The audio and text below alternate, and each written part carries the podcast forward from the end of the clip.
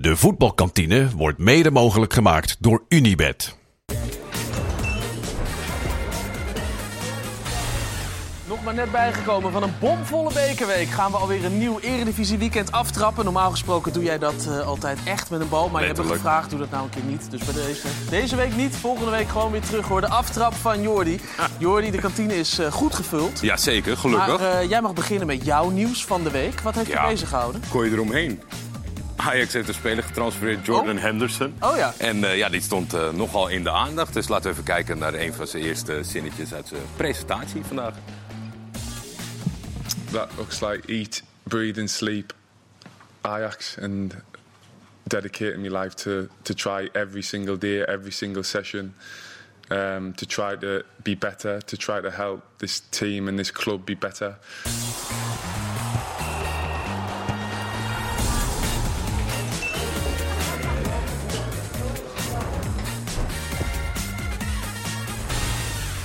Gaan er nog even doorpraten, Jordi. Ja, Want het kwam nogal binnen bij je dit. nou ja, het kwam nogal binnen. Ik vind het een beetje, ik vind het een beetje lastig, zeg maar. Als, als, als iemand die jarenlang Jordan Henderson heeft zien voetballen. Ja. En dan eh, ja, de media-aandacht, het volgen van het vliegtuig. En het is, ja, het is een hele belangrijke, hele grote speler. Maar misschien net even wat minder sexy voor al deze aandacht. Ik weet jij. Nee, nee, nee, ik erger me nooit. Maar Jan ik dacht wel, ja, als er nou echt een keer een wereldster komt naar de Eredivisie... daar zijn we niet klaar voor. Nee. Dat heeft dit wel bewezen. Ja, want dit is gewoon Jordan, Jordan Ja, Henderson. voor Eredivisie begrippen denk ik wel de grote Jordan Henderson. Maar ja, eentje niet waar we bij gaan likkenbaarden als liefhebber van wat hij allemaal met hem ook. Oké, gewoon rustig aandoen dus met Jordan Henderson. Ja, goedemiddag is het nog. Fijn dat je kijkt naar de voetbalkantine... waar we wekelijks eh, de voetbalweek gaan aftrappen. Ook deze week dus weer met een uitstekend gevulde voetbalkantine. Dat gaan we doen met Lars Veldwijk. Altijd piekfijn in orde qua kleding. Goed dat je er weer bent. Fijn ook. Dankjewel. Naast je zit eh, Danny van der Meijerakker, die we afgelopen woensdag zich nog zagen omkleden in zijn eh, bus. Vlak voor de wedstrijd tegen AZ. Uiteindelijk is het allemaal goed gekomen. Je zit hier ook en je zorgt bij Quick Boys natuurlijk voor de nodige ervaring, voor de inzet, voor de professionaliteit. Dus je wordt ook wel de Jordan Henderson van Quick Boys genoemd. Ja, en we hebben vandaag een mystery guest, want we hebben een lege stoel. Daar ga ik nog niks over vertellen. Maar Altijd die komt zo meteen vanzelf binnenwandelen. Eh Robert, welkom terug. Heb jij eh, gezien dat wij onze, ons cadeau eh, zover hebben?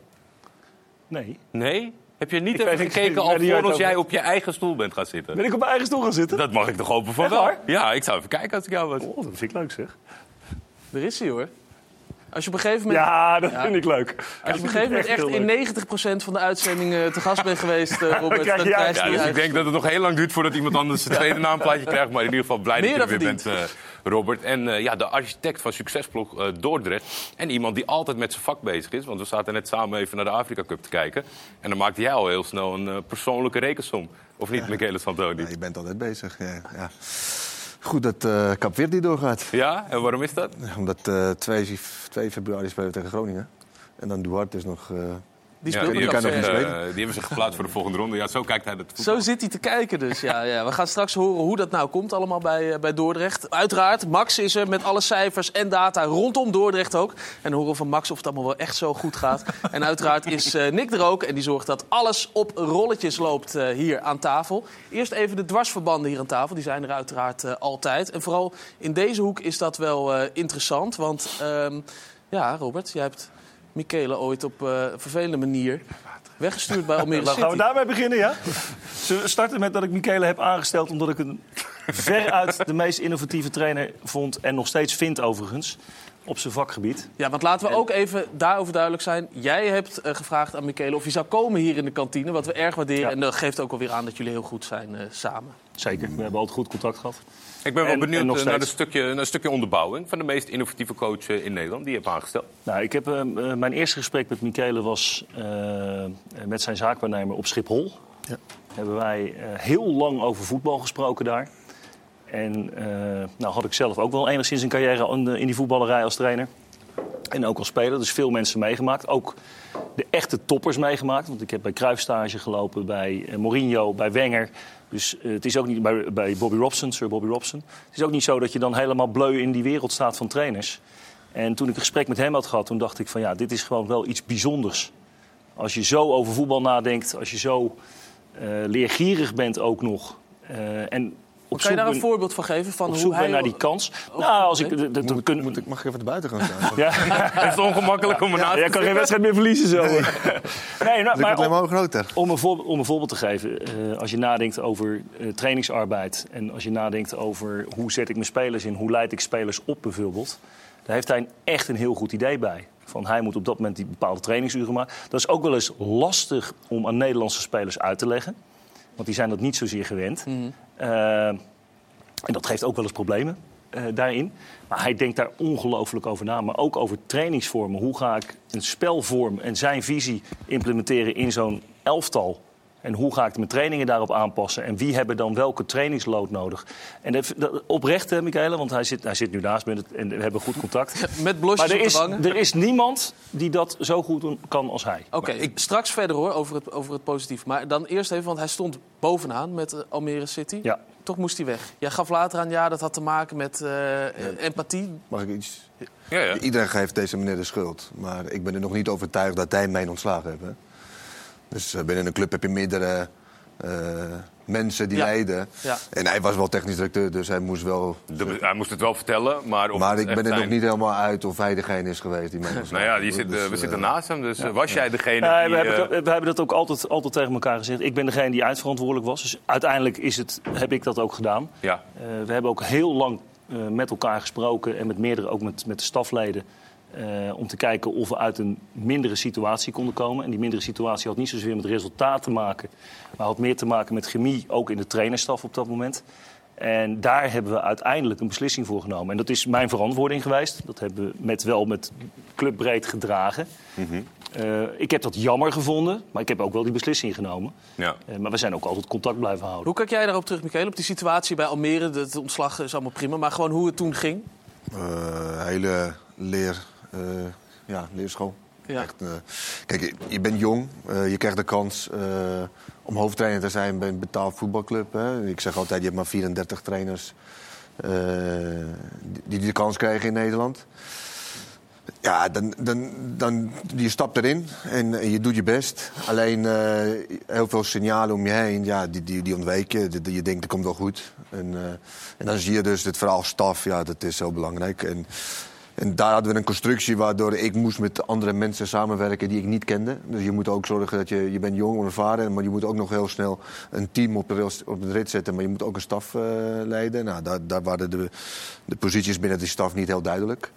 En, eh, en daar heb ik zeker fout in gemaakt. In, in, eh, in het feit van dat ik meer afstand nam van die, van die staf, omdat ze niet echt meegingen met mijn visie. Ja. Ja, en eh, dat is gewoon een eh, goede les geweest. zonder al te inhoudelijk worden, Robert. Maar als ik jou net zo hoor en over, dat je overtuigd bent geraakt over zijn visie... en die echt, echt ja, als goed betitelt...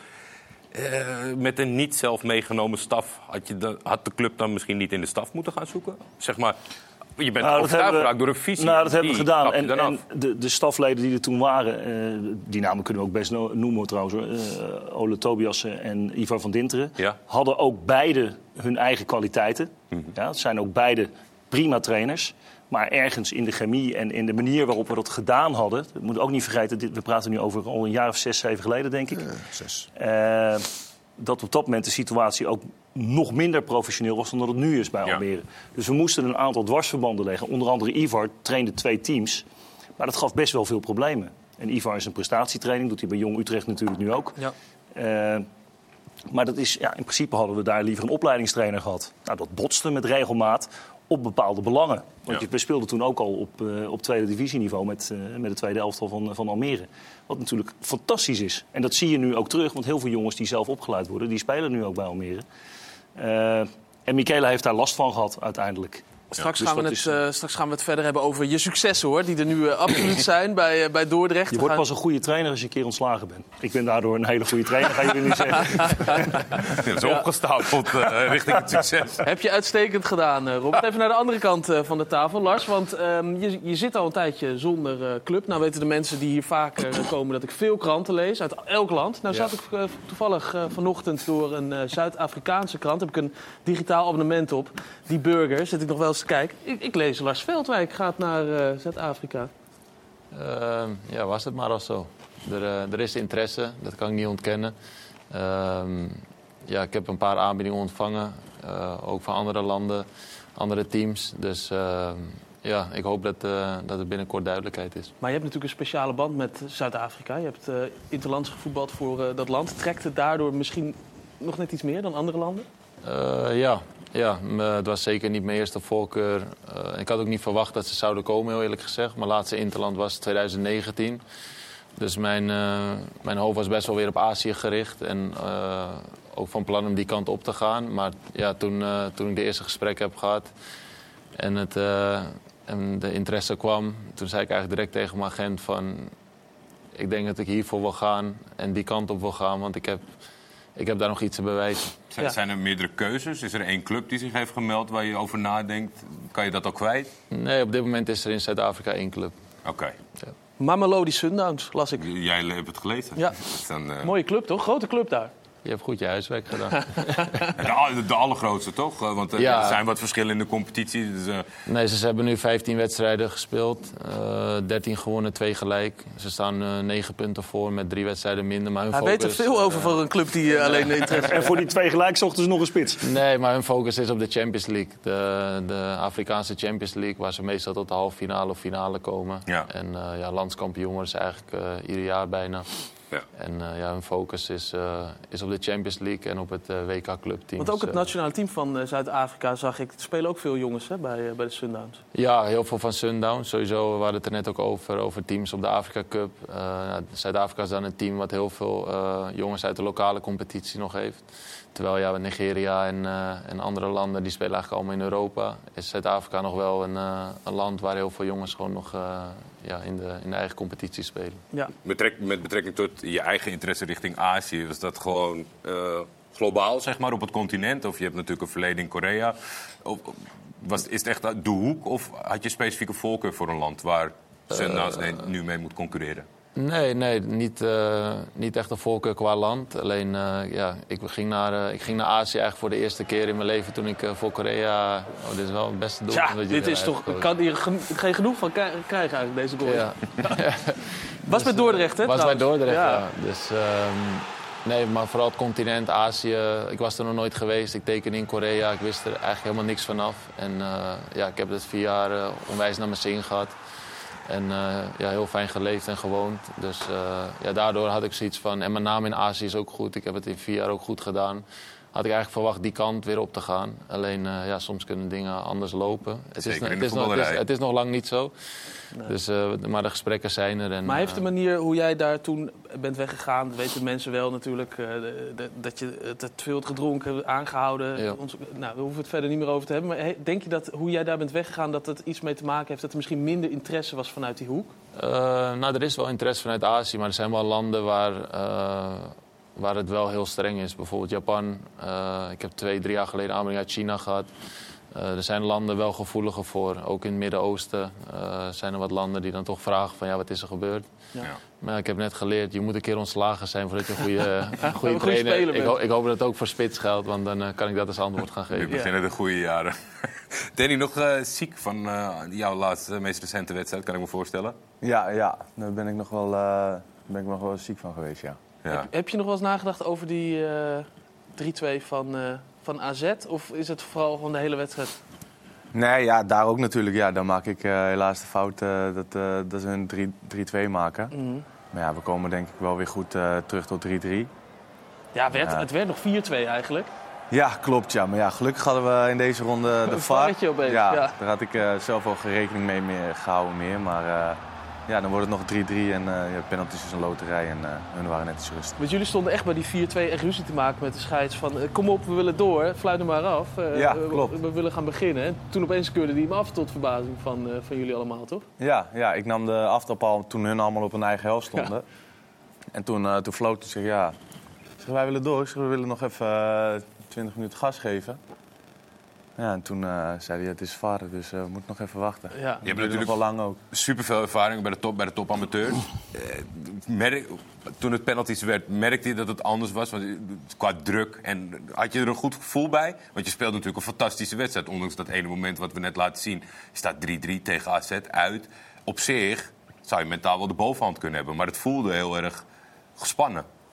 Ja, kijk, je, je weet nooit hoe anderen erin staan natuurlijk. Maar ik had, eh, ik had wel gewoon een lekker gevoel. Ik had veel vertrouwen. En eh, ons team heeft sowieso al veel vertrouwen hoe we dit seizoen doen. En eh, hoe, hoe we die wedstrijden in de beker allemaal hebben gespeeld is natuurlijk geweldig. Ja, hun missen de eerste. Ik, ik maakte 1-0. En ja, daarna ging het eigenlijk de verkeerde kant op helaas. Ja, ja ik, ik, persoonlijk zit ik dan thuis op de bank, maar dan moet jij maar of je op dat veld dat andere. Liever niet zo dichtbij komen dan maar een, een kleine nipte nederlaag. Dan is hij makkelijker te verwerken. Of, of is dat alleen maar, zeg maar thuis op de bank hoe je dat eh, Nee, nee dat, is, eh, dat is in het veld ook inderdaad. Eh, na afloop denk je, ja, ik had liever met eh 3 of 4-0 verloren dan, eh, dan met penalties. Maar ja, dat is altijd achteraf. Ja, je- toch denk ik dat je als je over een langere periode terug gaat kijken... dat de trots overheerst dat je daar gelijk gespeeld hebt... omdat je met 3-4-0 op je bal had gehad. Dat denk ik echt. Nee, 3-4, maar eh 1-3 of zo. Of, eh, Nee, maar ze hebben het nu toch fantastisch gedaan. En dat blijft, dat blijft je altijd bij. Ja, dat je Nee, maar ik verloren hebt. dat er- zijn twee momenten, zeg maar, meteen in het moment en over een paar jaar om erop Ja. terug te bekijken. En dan heb jij Nee, maar ik snap dat je, dat je uitgeschakeld wordt, is nooit leuk. Maar hoe hebben jullie er de afgelopen dagen over, eh, eh, over gepraat? Hebben jullie het nog eh, besproken bij, eh, bij Quick Boys? Ja, we hebben maandag. eh, hebben we, nee, wacht even. We speelden dinsdag. We hebben donderdag. donderdag Daar zijn we nog niet. Nee, donderdag hebben we, hebben we allemaal beelden gekregen. Hadden ze, ons mediateam had allemaal beelden achter elkaar gezet van, eh, van de supporters, van de reis. En eigenlijk alleen, de- alleen de mooie dingen eruit gehaald. En, eh, en daar hebben we met z'n allen van genoten. En eh, ja, nu is het. Nog even over napraten. En zaterdag staat er weer een competitiewedstrijd op het Ja, programma. dat komt dan ook weer eh, tussendoor. Ja, ik kan me voorstellen dat je nog even wil nagenieten van eh, die dag en hoe het allemaal eh, ging die dinsdag. Want jullie hebben inderdaad indruk gemaakt hè, de afgelopen bekerwedstrijden.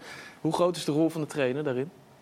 Ja, heel groot. Ik denk dat, dat Thomas, Thomas. Thomas zijn visie ook echt, echt heel goed is. We hebben best wel veel nieuwe spelers. Hij wil ook vooral jonge spelers hebben die, die veel lopen, die eh, nog heel veel kunnen leren. En eh, ja, wat hij in een halfjaartje heeft bereikt met, eh met Quick Boys is, eh, is echt heel erg knap. Jonge spelers die veel lopen. Maar ja, dat... Ja, daar ben ik niet. Nee. daar ben ik er niet één van, nee. nee. nee. nee. Wat is jouw rol in het team? Eh, ja, maar Roos, eh, ja, als er geblesseerden zijn, dan, eh, dan speel ik. En eh, voor de rest, die, eh, die jonge jongens lopen eh, 70 minuten lang iedereen eh, kapot. En dan mag ik de laatste 20 minuutjes mag ik, eh, mag ik invallen en eh, nog een paar goals Hoe is dat invallen? Want dat lijkt me zo moeilijk. Ja, nee, invallen. Voor mij is het ook een hele nieuwe rol. Ik heb eh, ook eigenlijk nooit echt eh, een langere periode op de bank gezeten. Maar ja, je weet eh, hoe ouder je wordt, eh dan komt het steeds dichterbij. En eh, Thomas had het al tegen me gezegd eh, voor het seizoen dat, het- dat het wel eens kon gaan gebeuren. Dus ik had er al wel rekening mee gehouden. En, eh, ik accepteer mijn rol, we doen het hartstikke goed. Ben je daar dan nog boos over in het begin? Dat je denkt, ja hallo, eh, ik kan toch nog wel... eh, als, als de rest wat harder loopt, kan ik toch nog wel mee? Nee, nee, nee, niet boos over. Nee. Ja, kijk, je wil altijd spelen als voetballer, maar eh, je weet ook, de trainer heeft, heeft het aangekondigd dat het kon gaan gebeuren. En het, eh, het is gebeurd en ze doen het allemaal gewoon geweldig. Dus dan mag je ook niet klagen, denk ik. Ja, je kan ook wel wat inbrengen, want ja, we kunnen het er lang of kort over. Maar je bent natuurlijk een hele grote naam in het eh, top amateurvoetbal. Dus als je dan nog een Danny van der Meijrakker eh, inbrengt, dan gebeurt er ook wel wat bij de tegenstander, of niet?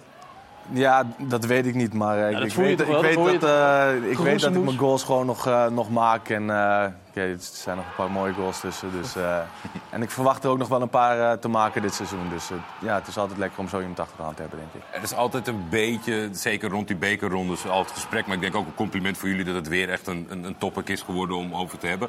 Hoe groot is die stunt eigenlijk nog van de topamateurs dat ze een KKD-club uitschakelen? Dat ze het eigenlijk sommige eredivisieploegen al lastig maken? Ja, ik denk eh, de onderkant van de KKD, ik denk dat dat eh, als de amateurs thuis spelen, dat dat niet echt een grote stunt meer is.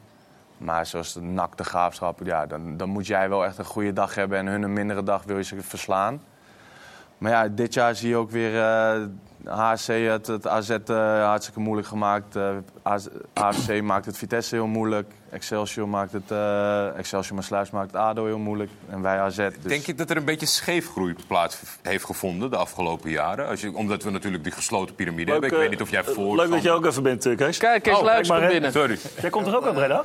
Ik kom ook uit Breda. Oké, is Ik was gezellig. eerder vertrokken naar Robert Maaskant, maar later gearriveerd. Ah, geen enkel probleem. Fijn dat je er bent. eh, nee hoor, fijn dat je er bent. Gezellig. De meest diepgaande vraag, eh, dan oké. Jordi zat er goed in, maar dat is nu eh, onderbroken. We hadden het over het verschil tussen de KKD-clubs en eh, de top-amateurploegen. Maar Ja. je bent er in ieder geval, Kees. En dat Zeker. zal niks met je voorbereiding te maken hebben. Want Michele is heel erg fan van jou als analist. En dat heeft te maken met iets wat jij hebt gedaan. Dat is de enige analist die ooit mee training is komen kijken. Ja, Ja, ja. dat is nog waar. Ho, ho. Ja, maar, dat is, Maar niet als analist. Ja, ik zie jou anders. maar, Ja, nee, Jij bent gewoon serieus trainingen gaan ja, kijken? ik dacht, eh, ik ga een keer training kijken. Toen moest ik werken in het weekend bij eh, Almere Dordrecht. En denk, ik ga eens kijken bij Dordrecht. eh, Groningen doet dat is een bekerwedstrijd. Nee, nee, nee, nee. Ik was Almere. Nou ja, maar, eh, maakt het uit. Je was in ieder geval ik wilde dat gewoon even zien, hoe dat ging. Ja. En eh, Maar stukje ik ben wel blij dat Dordrecht sindsdien echt wel eh, uit, de- Je denkt dat het iets mee te maken uit heeft. het dal is gestapt. Nee, dat zeker niet. Maar ik vond het wel, eh, het waren wel pittige tijden toen, denk ik. Eh, nou, volgens mij de eerste helft van het seizoen gingen we nog, hadden we nog Ayoub Balde. We hadden nog eh, in de beker tegen Groningen moesten spelen. Dus het was nog, ging nog redelijk. Ja. Na de winterstop hadden we wel een mindere fase. Toen het was na de als- winterstop Als, je je topscorer moet, moet weg. En, eh, Maar dat is nog nooit gebeurd, Michele, dat er een analist van ESPN bij de training staat. in de sneeuw. Goedendag- Goedemiddag, jongens. dat eh, heb ik bij Dordrecht nog niet meegemaakt. Nee, Dus, eh, nou heel En je weet goed. wat je te doen staat, Wouter. Reclame voor eh, Kees Luiks, die dat dus eh, inderdaad eh, gaat doen. Danny, hoeveel uh, hat-tricks heb je eigenlijk, eigenlijk gemaakt in je carrière? Eh, Heb je een idee? nee, ik heb echt geen idee. Lars, jij? Ik durf het ook niet te zeggen. Ja, nou ja, goed. Dan, eh, Was quiz Daar zijn jullie dat voor, een toch? quizvraag. Oh. Nee, we, gaan het, we gaan het uitzoeken. Eh Maddie heeft in ieder geval een uitblinkers eh, alles op alles gezet om het over hat-tricks te hebben. En uiteraard komt ze dan uit bij Luc de Jong.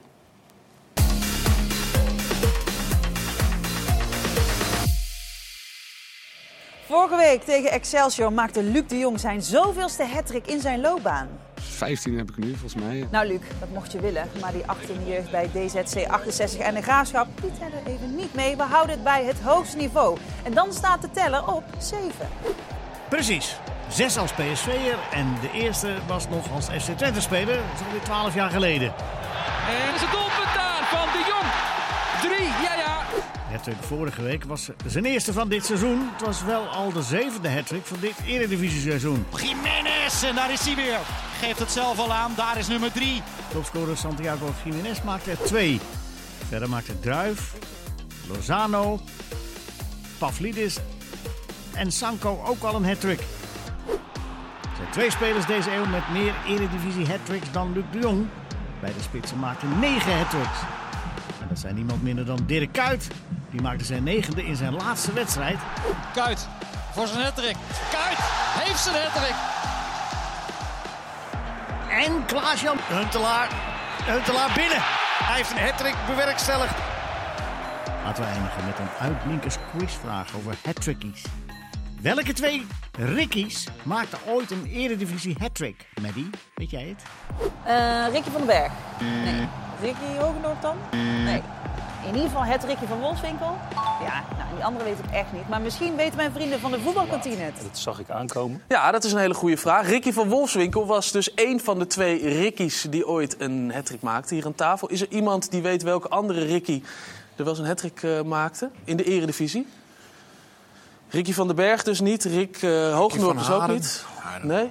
Ricky van Haren, daar zou ik Ricky van opkijken. Ja, ik keer ik had het, gemaakt. We hebben hier een kenner. Rick Hilgers, Ricky Talan. Ricky Talan. Ricky Talon. Ja, Lars Veldwijk, kent zijn pappenheimers. Hmm. Inderdaad, eh Ricky Talan, dat is eh, eh, speler van eh, AZ. En toen maakte hij eh, daar eh hattricks voor. Ricky Talan is de broer van Jeffrey Talan. En helaas in 2015 te vroeg overleden. Maar dus wel een hattrickie die hattrick, hattricks maakten. Ja, Klinkt lekker. ja. mooie goals. Nog even de laatste, want ja, eh, het zijn er dan toch eh, drie. Ik moet heel eerlijk bekennen, ik was alleen bekend met Jeffrey, met de broer. Maar hoe weet jij dat dan? Ja, Ja, voetbalkennis. Hou op. Ja. Echt? ja. Je hebt niks met de Verbaast familie je? Talan of zo? Nee, ja, het verbaast me dat je dit weet. Spitse dingetjes dat. Die weten dat van elkaar. Wordt weer onderschat, eh, Lars. Ja, jammer hè? Veel pubquizzen gehad. Ja, Ook mooi. Ja. ja Kees. Nou goed, we gaan eh, het hebben over de wedstrijd eh, van vanavond. De Eredivisie-wedstrijd van vanavond. Eh, daarvoor gaan we naar eh, Rotterdam. Excelsior ontvangt namelijk Heerenveen. Sinclair Bisschop is daar uiteraard. En het is een feestwedstrijd, eh Sinclair, voor Excelsior. 800ste, geloof ik, vanavond in de Eredivisie. 800ste wedstrijd in de Eredivisie. Eh, daarvan hebben ze wel meer dan 400 verloren. Dus ze kunnen wel weer een eh, overwinning gebruiken. Ik ben overigens ook in een kantine. Jullie zitten in de voetbalkantine. Ik zit in de kantine van Excelsior, waar eh, gegeten wordt. Waar eh, ja, de crew aan het eten is. Want wij moeten natuurlijk straks aan de slag. We vragen, denk ik, doe het wel namens jou, want jij bent bijzonder geïnteresseerd. Wat, wat schaft de pot, eh, Sinclair? Altijd leuk om te horen. Wil je het zien? Nou, Ehm, dat weten we Dat is afhankelijk van wat het is. Kun je het een beetje zien? Eh, nee, omschrijf het ook een beetje, want het kan eigenlijk alles het is zijn. Bami, het is, het is Bami, het is Nassi. En iedereen eh, ja, zit het lekker naar binnen eh, te werken. Kortom, het smaakt wel. Heel goed, heel goed. Sinclair, toch maar even voetbalinhoudelijk ook een, een, een klein beetje. Ja. Hoe belangrijk is het dat Excelsior weer eens gaat winnen? Ja, dat is wel heel belangrijk. Hè? De competitie 1 oktober voor het laatst gewonnen door Excelsior. En ja, die ploeg heeft natuurlijk wel heel veel complimenten gekregen voor het spel. Vaak ook op voorsprong gestaan. Bijvoorbeeld 2-0 bij Twente, maar niet gewonnen. 2-0 bij Utrecht. Ook een paar keer voorgestaan en uiteindelijk die wedstrijd verloren. Eh langzamerhand staat Excelsior wel 15e en is het uitgeschakeld in de beker. Kortom, eh, er mag wel weer eens gewonnen worden. Want anders komen die akelige plekken waar ze niet willen staan. Plek 16, 17 en 18 wel heel dichtbij. Momenteel staat Excelsior 15e. Dus eh, eigenlijk moet er worden gewonnen door Excelsior inderdaad. Maar Heerenveen is dan wel een lekkere tegenstander, toch? Ik kan me herinneren, die vorige wedstrijd, dat was dat met die witte zakdoeken in Heerenveen, toch? Ja, toen werd het 3-0 voor Excelsior. Ik moet zeggen, Heerenveen heeft zich natuurlijk wel herpakt. Al gaat het de laatste week ook wel wat minder, hè. Thuis verloren van Volendam, uit de beker tegen Vitesse. Niet goed begonnen na de winterstop tegen Pek Zwolle. Dus eigenlijk twee ploegen tegenover elkaar die allebei wel een, eh, wel een overwinning kunnen gebruiken. Sinclair heeft de Heerenveen Charon Cherry al binnen. Nou, dat gaan we natuurlijk straks vragen. Wat wel bekend is, is dat Heerenveen Thierry wil hebben. Eh, hij speelt natuurlijk in Israël, eh, wil weer in Nederland voetballen. En er zijn twee clubs die naar zijn handtekening dingen. NEC en Heerenveen. Ja, en Heerenveen, eh, ja, daar staan ook wel een paar spelers op de nominatie om nog te vertrekken. Waaronder smaakmaker Saroui. En als hij vertrekt, en ja, bij, in Friesland verwachten ze toch wel dat hij de stap gaat maken... dan zou Thierry bijvoorbeeld een logische eh, eh, eh, opvolger zijn. Maar ook Haaien eh, staat in de belangstelling om naar Como te gaan. Vertrekt ook nog. Kortom, best wel veel transferperikelen bij Heerenveen. Waar Thierry eh, ja, de clubs voor het uitkiezen heeft. En NEC en Heerenveen die zijn wel het meest concreet. Het lijkt er in ieder geval op dat eh, Noppert blijft bij Heerenveen. Maar toch heb jij nieuws over hem, toch? Ja, Noppert eh, heeft natuurlijk de laatste weken aardig wat blunders begaan. En nou, vorige week tegen Pek Zwolle ging hij in de fout met dat balletje, met dat polletje. En dan denkt iedereen dat is een fout en dat dachten wij ook. En dan ga je navraag doen, dan ga je je huiswerk doen. En dan hoorde ik toch wel een opmerkelijk verhaal dat het toch wel een beetje zijn eigen fout is geweest. Waardoor eh, uiteindelijk die bal opstuitte, dat polletje. Want wat veel keepers doen, is dat ze een soort marker maken. Eh, zeg maar in dit gebied, tussen de 5 meter en 16 meter gebied, maken sommige keepers een marker dat ze ongeveer weten eh, waar ze dan eh, zijn op het moment dat ze uitkomen. Dat ze niet buiten hun 16 komen om uiteindelijk zeg maar hens te maken. Dus hij heeft waarschijnlijk zelf met zijn hak eh, ja, die marker gezet. En daardoor is die bal heel ongelukkig in het polletje terechtgekomen. Eén voordeel wel voor Noppert. Hier bij Excelsior is kunstgras, dus kan dit niet doen. Maar ja, vorige week had het toch wel fatale gevolgen. Ja, laten we hopen dat hij geen poging gaat doen in ieder geval om dat Nee. kunstgras eh, te vernielen. Schep je mee en dan eh, inderdaad eh, ook een marker maken. Niks verbaast me meer bij uh, Andries Noppert. Nou, laten we hopen dat hij in ieder geval een goede wedstrijd keept. Zonder al te veel blunders. Vanavond dus, 8 uur, die wedstrijd Excelsior Heerenveen. Dankjewel Sinclair, eet smakelijk nog. Gaan we doen, dankjewel. Veel plezier jullie. Ik schaam me bijna dat het over eten gaat als we naast Michele zitten. Dat is een echte foodie namelijk. Uh-oh. Die weet echt welke druif gebruikt wordt op welke helling in, eh, in welke olijfolie. Ik, eh, dat is een aanradertje, een keer uit eten gaan met hem. Hij weet de weg. Hoe, zou- hoe zag Zelfs het eruit ook in geval bij Excelsior? Is dit niet, eh, niet, naar wens? Niet Nee, nee. Is Nee, het dit, bij- dit, dit was echt niveautje ketchup op de macaroni. Nou, ik, heb, ik stuur hem wel eens een fotootje als ik sta te koken. Dan gooi ik de ketchup in. Dan stuur ik altijd even een fotootje naar hem. En dan weet je dat stoom met zijn oren Zet komt. ja. Ja. woon 15 jaar in Nederland nu. En ja, het eten, dat komt echt het beste Italiaans van mij uit nog steeds. Het, eh, eten en Italiaans muziek. Ja? De rest kan ik nog eh, goed leven in Nederland. Maar ja, voor het goed eten dat, eh, ga ik toch altijd wel terug naar... Ben je niet van een stampot? Ik kan het wel waarderen, een goede stampot. Maar één keertje. Kan, je- kan, je, kan je daarin meegaan? Bij, of gaat Dordrecht daarin mee? Dat zeg maar, jij daar een uitgesproken mening hebt. Dus eten die jongens. Eh, Dat is wel een eh, hot eh, topic eh, binnen Dordrecht. Want eh zover en zo goed zijn we nog niet. Maar er wordt wel heel veel geklaagd erover. Dus het is eh, wel een doelstelling voor de volgend seizoen om daar toch weer stap in te maken. om een stap te maken in eh eten. Ja, dat lijkt me belangrijk. Goed eten voor een ploeg als eh, Dordrecht. Ehm, laten we het toch maar even hebben over jouw nieuws van eh, vandaag. Jordan Henderson Van heel Nederland. is geland vandaag in, eh, in Amsterdam. Kees, kijk je er naar uit om hem te zien spelen? Kijk er zeker naar uit. absoluut. Ik ben heel benieuwd hoe een speler, een topspeler uit Engeland, het in de Nederlandse competitie gaat doen. Maar ik heb hem ook wel zien spelen in, in Engeland. Het is geen eh, ja, grandioze speler aan de bal. En dat wordt wel verlangd van je volgens mij bij Ajax. Dus ja, ik ben er heel benieuwd naar in dat opzicht. Maar het is niet dat ik direct denk, wauw. Zou die gaat Ajax echt, nou ook eh, niet gewoon een keer blij zijn dat ze iemand hebben die een beetje kan organiseren en een beetje zorgen dat ze geen tegengoals Maar denk krijgen? je dat Want één ze- iemand ze dat ma- kan? Ajax maakt wel goals, hè? Maar denk je dat één iemand dat kan? Ik denk wel dat hij dat kan, ja. Ik denk wel dat hij, dat hij in ieder geval andere mensen mee gaat nemen. Dat het net, het is altijd met iedere transfer, iedere speler die in de kleedkamer komt, dan gaat de rest net ook allemaal even beter presteren. Want die willen toch even laten zien van, oh wacht even, eh, ja, leuk dat hij eh, van Liverpool komt. Ik denk, dat je ook, Tussenstapje, maar ik denk dat je ook heel snel... eh, maar daarom zeg ik, het ben probleem benieuwd. bij Ajax is niet zomaar opgelost, dat zeg ik nee, ook dat niet. sowieso niet. Maar ik denk ook dat eh, de spelen bij Ajax kunnen al die gasten die kunnen wel voetballen aan de bal. Ja, nou, en, prima toch? En als hij daarin op een training net even niet lekker mee kan, dan kijken ze ook heel snel weer uh, Ja, dan pakt hij even die foto's van die, eh, van die Champions League beker, dan zet hij er zo even neer. Ja, en maar dan ja, zegt hij, ja, wat hebben jullie nou gewonnen? Ja, maar ja, dat, Ja. eh, dat, dat telt niet meer. Ik ben benieuwd, Lars, veel in een professionele kleedkamer. De- misschien ben jij diegene die de hiërarchie opgeschud heeft ergens. Of heb je wel eens met een speler te maken gehad die ja, toch wel echt een totale andere reputatie had dan de rest van de ploeg. Wat, wat doet dat in zo'n kleedkamer? Nou, ik denk dat dit bij Ajax wel heel veel gaat doen. Ik denk in de succesjaren had je natuurlijk met Lasse Schöne, eh Deli Blind, Tadic... had je echt wel een, eh, een paar jongens die echt wel hoog in de hiërarchie stonden... en ook gewoon de ervaring hadden. En ja, dat is wat op dit moment bij Ajax echt mist. Ik ben het ook wel met Kees eens dat hij misschien voetballend niet de beste gaat zijn bij Ajax. Maar ik denk dat Ajax dit op dit moment zeker nodig heeft. Iemand gewoon op het veld met zijn status. Eh, en ik denk gewoon zijn leiderschap en in communicatie... dat hij heel veel jongens wel, eh, wel gaat helpen. Maar hoe, gaat, hoe hard ga- kan het gaan in zo'n kleedkamer als wat Kees schetst, zeg maar, van op de training valt? Lukt het ineens niet op hoog tempo in het positiespel, zeg maar, wat Ajax wil? Ja, maar je kan mij toch niet zeggen dat hij het positiespel van Ajax niet aan kan... als hij zoveel jaar bij Liverpool Nee, dat denk ik ook niet, maar dat, ik denk dat dat is wel... dat- dat- Want Liverpool staat ook niet bekend om een Engelse club die niet voetbalde. Die speelde ook gewoon heel goed voetbal. Dus Mhm. Hoeveel jaar heeft hij Maar daar hij was niet degene Ja, hij heeft die, ook dat- wat gewonnen hè, bij Liverpool. die daar het spel maakt, hè? Nee, ik ga ook niet zeggen dat hij bij Ajax eh, de- met de ballen gaat strooien. Maar ik denk wel qua organisatie. En dat is juist wat Ajax nodig heeft. Want ze scoren wel, maar hoeveel goals ze tegenkrijgen... en hoe vaak de organisatie niet klopt. Ik denk dat hij daar wel...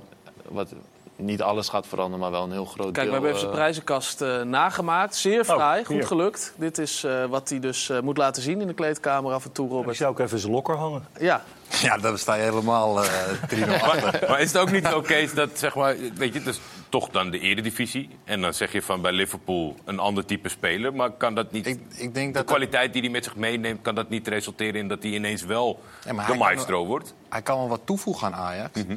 Alleen ik ben benieuwd wat ze precies van hem eh, verlangen dan. Want ja, hij kan ook dingen gewoon echt niet goed. Nee. En dat is, wat, van wat ik heb gezien in Engeland, vind ik hem aan de bal ja, echt best wel beperkt eigenlijk. Dus niet een, Ook, eh, ook, een- Kees, ook een ander tempo, hè? Ik denk dat Pas weer heel goed tempo, weet. maar- Ik denk dat Pas weer heel goed weet wat hij gaat moeten toevoegen. Hoor. pasveer. Ja, als je Pas het gaf dat interview- interview in, Ja. in het Parool. Ik denk dat hij daar eh, heel veel punten kan, eh, kan winnen, los van wat hij op het veld doet. Ik denk dat hij wel het tempo aan kan, want als je de Premier League niveau... Tempo wel. En je Tempo loopt, eh, en je, loopt eh, 2,5 kilometer op high intensity elke wedstrijd. Dan kan je in de Eredivisie ook met twee vingers in je neus, eh, denk ik, wel voetballen. Maar ik denk wat nu Ajax nodig heeft, is echt eh, een leider buiten het veld. En, dat, en ik denk dat hij wel daar eh, een hele goede in kan zijn. Dat is een flinke last Ja, op zijn schouders. Als hij dat Als je nieuw binnenkomt en normaal gaan die dingen. Hij krijgt er ook voor, hij wordt Eh, gecompenseerd, hè? Ja, eh, qua financiën. hij krijgt er aardig Ja, voor dat vind ik ook. Hij krijgt er ook Hij is er toch op achteruit gegaan. Dat wel, ja. Ten Dan moeten wij dag van verzoeken. Ja, laten we ook even naar hem luisteren. Jordan Henderson speelt normaal het liefst met nummer 14. Dat wordt lastig in Amsterdam. I was look when I knew what could be happening. I was obviously looking at the the squad numbers and stuff and see what's available. And I seen that 14 wasn't available. So initially I thought, oh, it's free, you know. so then I was I was speaking to to my friend, um, and and then like as as I was speaking, I was like, I'm sure that was that's Cruyff's number, like. And then he's and then he's gone. Well, is it not retired? And I've gone. I think it might be. So then we Googled it, retired, and it made sense. So I, I was getting excited for a little bit. I thought it was meant to be, but then it quickly, uh, it quickly changed. But obviously, for um, yeah, that makes total sense. Um, and to be honest, you know, I'm not bothered about numbers. 14 was a big number for me while I was at Liverpool, um, but I've been different numbers throughout my career when I was at Sunderland and obviously Coventry as well. So it wasn't a it wasn't a big thing for me, and I think the club wanted wanted wanted us to have number six, and that that, that fit perfectly for me. Um, my son's uh, birthday is on the sixth. Um, which is nice, and also my father, when he played when he was younger, said he was number six, so that's nice as well. Ja, mooi. Hij dacht, eh, rug nummer 14 is, eh, is vrij, maar het bleek toch eh, net anders Moet je toch zijn. voorzichtig mee zijn. Ja, moet je voorzichtig mee zijn. Persconferentie beheerst hij wel, als we het zo zien. Zeker. Nou ja, zo moet hij ook de kleedkamer instappen met die positieve, positieve vibe. Ja. Ja, wat ik vooral van dit soort spelers... Ik heb Lee Kettermol gehad bij, eh, bij VVV. En eh, ook uit Sunderland trouwens. Met, eh, Ja. shirt in de broek En shirt in de heel broek. Ja, ja, ook trouwens nog in Korea heb ik hem voor het eerst ontmoet, eh, daar op het toernooi. Pakte nog wel een kaart. Dat zijn, ja, precies. Eh, maar dat waren ook jongens die... nou, ik hou er wel van, van die spelers. Die heel bescheiden zijn, heel normaal, heel rustig. maar ze wel het veld precies, staan. Ja, precies. Maar wel precies zeggen waar het op staat. Op het moment dat er wedstrijden gewonnen moeten worden. En ongelooflijk tekeer gaan. Niet zozeer in trainingen, maar vooral in wedstrijden. Ja, ik ben daar dol op van dat soort gasten. Danny, heb jij wel eens een team gespeeld met één zo'n voorbeeld... dat eh, altijd als eerste op, eh, op het veld stond, vooraan liep... eh, in, de, in de kleedkamer druk bezig was? Eh, ik heb wel een keer bij NEC met uh, Yvonne de Snow. Die was, eh, die was altijd echt heel vroeg op training, eh, voor zichzelf aan het trainen. En, eh, maar die was wel heel rustig. Die was niet eh, van schreeuwen of eh oppeppen.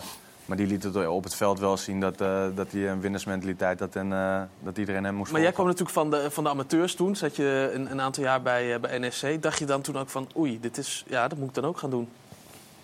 Nou, nee, ja, zo ver dacht ik nog niet hoor. ik, eh, ik dacht eerst, eh, ik ga lekker, eh, blijf lekker voetballen en eh, ik ga mijn ding doen. Maar eh, nee, zo ver eh, was ik nog niet in die gedachten. Nee, blijft toch eh, mooi. Zo'n voorbeeld. We gaan het in de gaten houden, Jordi. En misschien... Ja, jij bent er niet zo heel enthousiast over, over al die aandacht. Maar misschien eh, Nou ja, het gaat hij een het beetje in verhouding. Ik, ik hou van, de, de- nu de Afrika Cup wordt dit op dit moment gespeeld. Daar zitten een heleboel type spelers waar ik wa- warm voor weet je. En dat, dat, dat is er niet eh, in het, in het gele plaatje. En dan eh, zijn, hebben we best uitgepakt met z'n allen, denk ik, rondom deze aanstelling. Ja, hij is in ieder geval geland op Schiphol. Dat weten we zeker, want dat hebben we overal voorbij zien komen. Straks gaan we het hebben over eh, Dordrecht. We hebben namelijk een heuse succestrainer hier aan tafel. Het gaat goed met Dordrecht. Ze scoren uit eh, vrije trappen, maar ook uit schitterende aanvallen. Dat doen ze eh, dit seizoen zeer goed. We gaan straks eens horen hoe dat precies komt. En eh, de tactiek achter Dordrecht. Want we krijgen straks voetballes van Michele Santoni. Heel graag. Tot zo.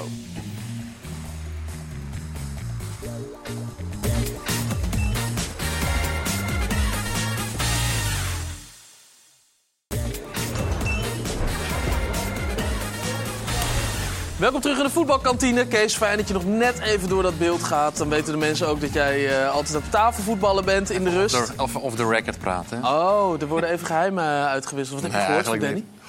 Nou, ik, wat mij opviel, en dat vond ik sterk, is dat hij... Hij maakte natuurlijk een fout, was bij de 3-2. Kun je, kunt het een fout noemen. Hij verspeelt de bal, maar dat hij iedere bal die hij daarna kreeg op die positie... Hij bleef hetzelfde doen. Hij bleef hetzelfde risico in zijn spel leggen. Hij, hij schoot die ballen niet weg. Dat viel mij op. En Dan ik zie je toch die ervaringen. Ja, wel, je moet wel rustig blijven. Weet je? Eh, dus dat vond ik wel knap. Nou, heel goed. Toch nog even die analist hè, die boven Ja, komt. ja, Ja, ja. fijn dat je er bent, hij Kees. weet het lekker. maar ik, heb, ik heb hem ook als speler gehad, hè? Ja? Hij maakt ook wel eens een foutje, hoor. kan hij zich niet meer... Jongen, jij was al weg voordat die competitie begon, man. Dat is echt, Dat is hè? Ja? Ja, heel verhaal. Kees, kom bij ons voetballen. En eh, dit plan, weet je, dat plan. Begonnen we met twee goed. wedstrijden. Zeg, jongens, ik ga naar Wisla Krakau. Ja, zo gaat het. Maar goed, we komen elkaar nog wel eens tegen. Ja, we gaan het hebben over eh, Dordrecht. Dat het uitstekend eh, doet, dat van ver is gekomen. En dat het nu dus eh, uiteindelijk eh, tot de vierde plek in de keukenkampioen-divisie heeft geschopt. Om even te illustreren van hoe ver jullie zijn gekomen, Michele, wil ik even met je kijken naar jouw ehm, presentatiefilmpje en hoe dat eruit zag.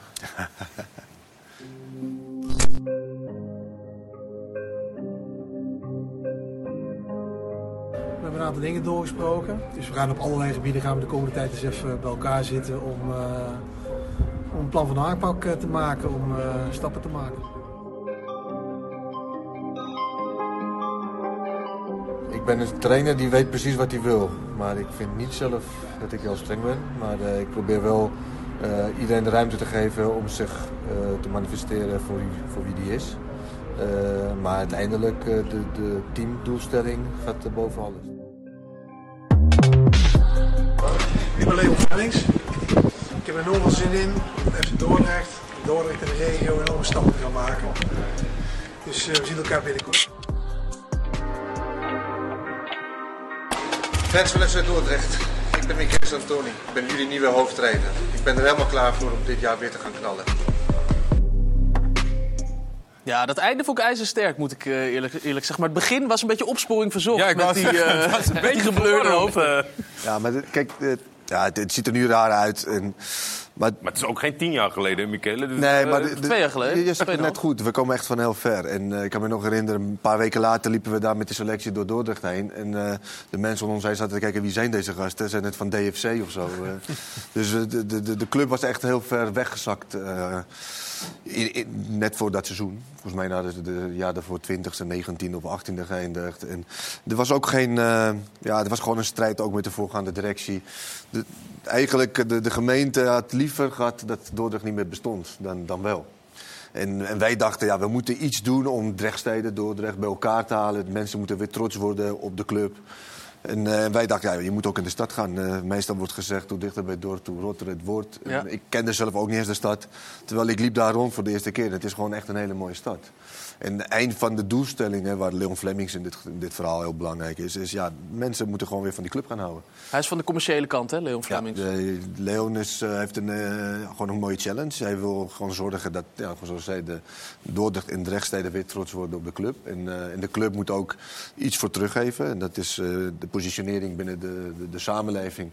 Eh, mensen gaan helpen in, in, ja, wat de thema's zijn van tegenwoordig. We zijn vorig jaar begonnen met eh, duurzaamheid bijvoorbeeld. Maar dit jaar is... eh, Klimaatneutrale wedstrijd. Ja. Absoluut. Dit geweest? jaar is heel belangrijk vitaliteit Met bijvoorbeeld. Oké. Eh, en, en dat doet Leon fantastisch. Mensen zeggen, eh, Leon heeft een challenge, een uitdaging, maar jij zelf ook. Maar ben jij het type dat je eigenlijk, ja, ongeacht wat je volgeschoten krijgt, dat je, dat je iets ervan wil en kan maken? Want je, het was geen beste situatie waarin je terecht kwam als club. Nee, ja goed. eh, Kijk, logisch, je wil alles heel snel. En eh, liefst had ik eh, vierde gestaan bij het eerste seizoen. Alleen, nogmaals, ik kom binnen. We hebben zeven spelers, van waar vier moesten weg. En er was geen gym. Ja, eigenlijk, er was niks. Dus je moest gaan bouwen. We hadden geen scouting. Dus je, we hadden niet het budget die we nu hebben. Eh, dus je moet creatief zijn. Eh, nou, je, je- vist in je eigen netwerk. Sommige spelers probeer je een tweede kans te geven. Nou, dat, dat, dat, zie je dat het. Je, als trainer ben je geen wonder. Dus als een speler eerder aan in de fout is gegaan, waarschijnlijk ben ik niet degene die hem weer eh, goed laat gaan voetballen. Bij sommige jongens is het wel gelukt. Eh, en je, je maakt een plan en eh, die plan bleef je volgen. Ja, maar Lars, eh, jij hebt er gespeeld in 2012, 2013 volgens mij. Ja. En kan jij aangeven van hoe ver Dordrecht is gekomen? Want we staan er nu dus vierde, vierde in de keukenkampioen-divisie. Maar in, in die tijd dat jij er zat? Nou, het verbaast mij vooral dat de dingen die, die gezegd worden, dat was toen ook al. Over het eten, de gym, de accommodatie. Dat het er niet was, maar dat het moest komen. Ja, en ja, we werden eigenlijk verplicht om op vrijdag zeg maar, voor de wedstrijd daar te eten. Maar dat wou je niet. Je wou gewoon, laten we dan maar thuis eten. Ja. Dus eh, ja, het verbaast me wel dat dat zo lang heeft geduurd. Ze zijn op een gegeven moment nog eh, naar de Eredivisie wel gegaan. Eh, maar Vlak na jou was dat? Ja, was ook vlak, na- vlak nadat ik wegging. Volgens mij twee of drie jaar later. Ja. Hoe verklaar je dat, Las? Als de situatie die je schetst van op vrijdag wil je eigenlijk niet de sportmaaltijd bij de club eten. Er zijn geen faciliteiten en hup, eredivisie. Ja. ja, dat was voor mij ook wel een verrassing dat ze twee, drie jaar later toen promoveerden. En ehm, ja, ook geen, ook geen verrassing dat het één seizoen duurde. Nee. Ehm, maar ja, dat wij, toen de tijd haalde Dordrecht wel altijd de play-offs. Of waren, we gewoon, waren ze middenmoot, eh middenmoot Jupiler League toen de tijd. Ja. En daarna is, het, eh, is Marco Bogers weggegaan, geloof ik. En toen is het wel eventjes naar, echt naar beneden gegaan. Totdat ze nu eh, ja, weer de weg naar boven hebben gevonden. Nieuw plan. Eh, op- welke facetten zijn er echt al stappen gemaakt als je het opnoemt met wat je aantrof ten opzichte van waar jullie nu zijn? Ja, kijk, de, de fysieke faciliteiten, die kan, we hebben geen nieuw stadion meer gezet. Nee. Eh, dat, dat, dat gaat ook niet lukken binnen twee, drie jaar. We zijn er wel druk mee bezig. Eh, alleen, ik denk niet dat ik het zelf ooit ga zien als trainer van Dordrecht. Eh, maar ik vond de staf bijvoorbeeld heel belangrijk. En ik vond het meest belangrijke is, je moet een topsportcultuur creëren. En daardoor moet je ook faciliteren. Dus het eerste wat we deden was een eh, inspanningfysioloog eh, binnenhalen. Eh, een gym klaarzetten. Ja. Eh videoanalist. Uh, nou, eerste, jaar, eerste jaar konden we dat niet fulltime. Eh, in dienst hebben, heb ik een eh, opleiding opgezet. Waardoor ik vier eh stagiaires had die mij daar gingen ondersteunen. Inmiddels zijn van die stagiaires wel fulltime in dienst gekomen. Nu door de samenwerking met Feyenoord hebben we twee inspanningfysiologen. Ja. De gym is nog een keer weer verbouwd. Dus alle aspecten worden steeds beter. Ja, maaltijden wordt wel op de club gegeten. Dat kan nog, dat kan nog steeds beter. Maar kijk, de, nou, in Italië wij, zeggen we wel vaak... Rome hebben we niet in een jaar gebouwd of, eh, of in een dag. Dat is Dordrecht ook. Alleen het, wat mij gaat is de intentie... Ja, en dat je het om- gevoel om hebt dat er echt wat... stappen te maken. Dat is zo, ja. Nou, en dat, dat, die is er. Iedereen wil eh, het maximaal eruit halen. En we hebben ook een, een hele competitieve omgeving gecreëerd. Want eh, je ziet eh, heel veel jonge spelers in- die beelden rondlopen.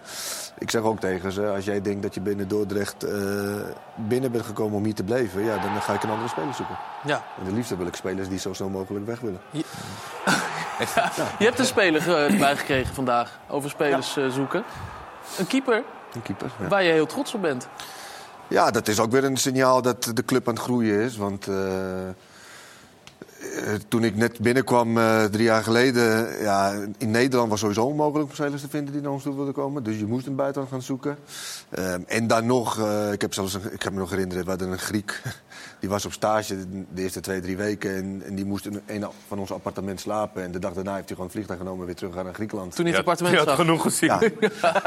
En, en, en nu kunnen we gewoon de keeper van Portugal onder 21 vastleggen. Ja, want dit wordt gezien als een van de grootste talenten van, eh, van Ja. Portugal op keepersgebied. Ja, dus eh, daar, daar ben ik wel trots in. Want, en niet alleen hem, hè, van een paar weken geleden hebben we Dylan Mbayo eh binnengehaald. Dat is ook een speler die waarschijnlijk heel veel clubs zelfs in de Eredivisie graag hadden willen hebben. En hij kiest toch voor Dordrecht. Dus, eh, Maar hoe, hoe kan dat dan? Komt dat omdat Feyenoord erbij betrokken is? Kijk, Feyenoord heeft zeker een boost gegeven. Eh, ik weet wel dat heel veel mensen denken dat Feyenoord ook achter een Bayo zit. Maar het is, Bayo is echt een speler eh, van Dordrecht. Net als Selton is ook een speler van Dordrecht. Logisch, Mark Ruil, dus hoofd of voetbaldevelopment van Feyenoord, die ondersteunt ons. En, en, en die gaat al, altijd met mij het gesprek aan met spelers. Dus ze weten dat er een link is. Ja. Maar er zijn er maar vier spelers eigenlijk die echt van Feyenoord zijn. De rest zijn gewoon echt Dordrecht-spelers. En logisch, we, hebben dagelijks contact binnen de clubs. En eh, zeker over performance. Dus al- als een keeper het heel goed doet... Ja, Feyenoord die zal als eerste wel de kans krijgen om hem eh, over te nemen Ja. als hij echt goed is. Ik wil even met je kijken naar wat het allemaal heeft gebracht, eh, jouw eh, aanwezigheid bij Dordrecht. Want we hebben de Koen Dille-index uiteraard, daar worden we mee doodgegooid eh, de afgelopen tijd. We hebben een veel leukere index, namelijk de FC Dordrecht-index. We gaan jullie vergelijken met jullie promotiejaar, 2014 was dat, 2013, 2014. Dan zit je daar nog ietsje onder, maar zoveel scheelt het ook weer niet. Kijk je ook wel eens eh, met een schuin oog naar dat jaar en eh, dit jaar? Vergelijk je ze? Nou, echt een vergelijking niet, want ik vind het ook niet... eh, je kan het ook niet vergelijken. Ik denk bijvoorbeeld... de- ik, ik probeer ook meerwaarde voor de club te creëren. En zoals Lars zegt, ja, ze zijn dit, dat jaar zijn ze wel gepromoveerd... maar volgens mij is niemand verkocht. En, en er is eigenlijk niks aan verdiend aan dat seizoen... los van heel veel schulden de jaren daarna. En ik denk dat wij nu momenteel wel veel meer waarde hebben gecreëerd op het veld. En, eh, er gaat momenteel niemand weg, maar ik zou niet raar vinden dat eh einde van het seizoen wel drie, vier spelers verkocht worden. Dat die eh, weg worden ge- gekocht bij, bij Dordrecht. Zodat jullie weer wat geld verdienen en weer door kunnen. En Eén- weer selecteren. Een van de belangrijkste veranderingen die jij doorvoert... is je hebt een eigen kijk op periodisering. Dat is een moeilijk woord, maar dat heeft ermee te maken met rust... en wanneer je gaat, eh, gaat trainen. Zelfs eh, ooit begonnen met een boek te schrijven... met eh, de assistent van Roberto De Zerbi bij, bij Brighton. Dus dat is niet, is niet zomaar iets. Jouw, jouw kijk daarop is dat je de dag na de wedstrijden weer gaat trainen, toch? Op, op zaterdag en zondag. Daar heb ik bij Almere toen heel veel problemen mee gehad. Ja, want daar waren ze niet zo blij mee. Nee, omdat de, ja, de KKD is gewoon een vrijdagavondcompetitie... waardoor zeker de spelers die wat ouder zijn, die, die zijn zo gewend... oké, we hebben lekker gevoetbald, het begint het weekend. En eh, laat me lekker thuis bij mijn familie. Ja. En, eh, en dan kwam een jonge trainer en die zegt... nee, we gaan gewoon trainen zaterdag en zondag. En toen zeiden ze bij Almere, mm, nou, Ja, gedeeltelijk heb ik dat wel gedaan. Alleen ik moest wel heel veel compromissen eh, Sluiten. gaan zoeken. Ja. was wel één doelstelling van de club, was wel de fitste selectie van de KKD zijn. Dus ik dacht, ja, ergens moeten we toch... eh, Goeie regel trouwens. Wat, Vast, eh, vast een bekende geïntroduceerd. Ik ben benieuwd, jongens. Eh, De trainer komt. die Zegt, eh, jullie, hebben, jullie spelen, we spelen altijd op vrijdag, maar we gaan nu het weekend meepakken. Trainen. Ja, zeker de oudere spelers. Kijk, die hebben vaak ook een gezinnetje. Dan heb je eigenlijk gewoon een maandag tot vrijdag. En als je dan wint, dan ging al vrijdagavond in de kleedkamer trainer. Twee dagen, twee dagen. En dan De spelers zijn op zoek naar één ding, dat is een vrije dag. Omdat dan ze was je eigenlijk gewoon zaterdag, zondag vrij. Ja. En eh, ja, dat heb je eigenlijk je hele leven als voetballer heb je dat bijna niet. Omdat je altijd op zaterdag of zondag speelt. En ja, de keukenkampioenvisie is dan vrijdag. Dus ja, als je dan eh, met 3-0 van het veld stapte... dan ging je van eh, trainen twee dagen, toch? En dan hoeft hij pas maandagochtend weer op de club te zijn. En dat is, dan is het fijn, zeker voor ouders, dat ze gewoon het weekend vrij hebben met de kinderen. Maar zeg je dan, een trainer moet in zo'n groep...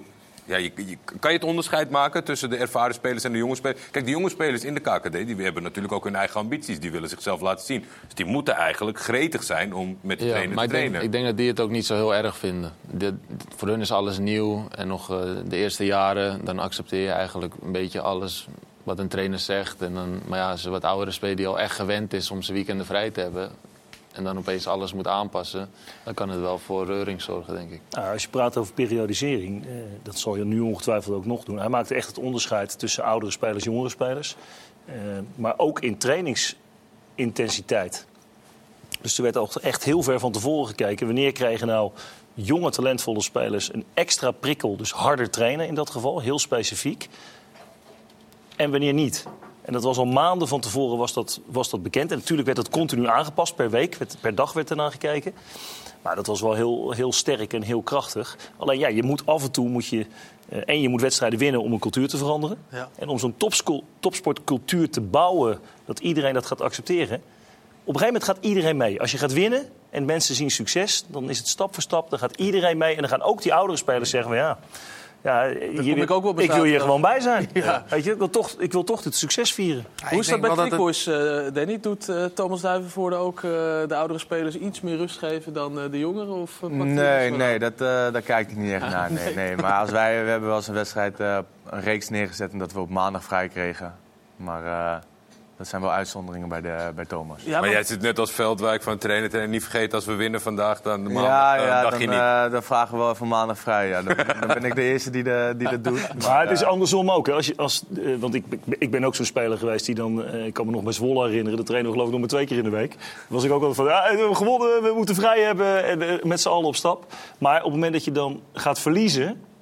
dan gaan we al met z'n allen wijzen naar de trainer. Ja. Ja, want die traint nooit en die geeft je altijd vrij.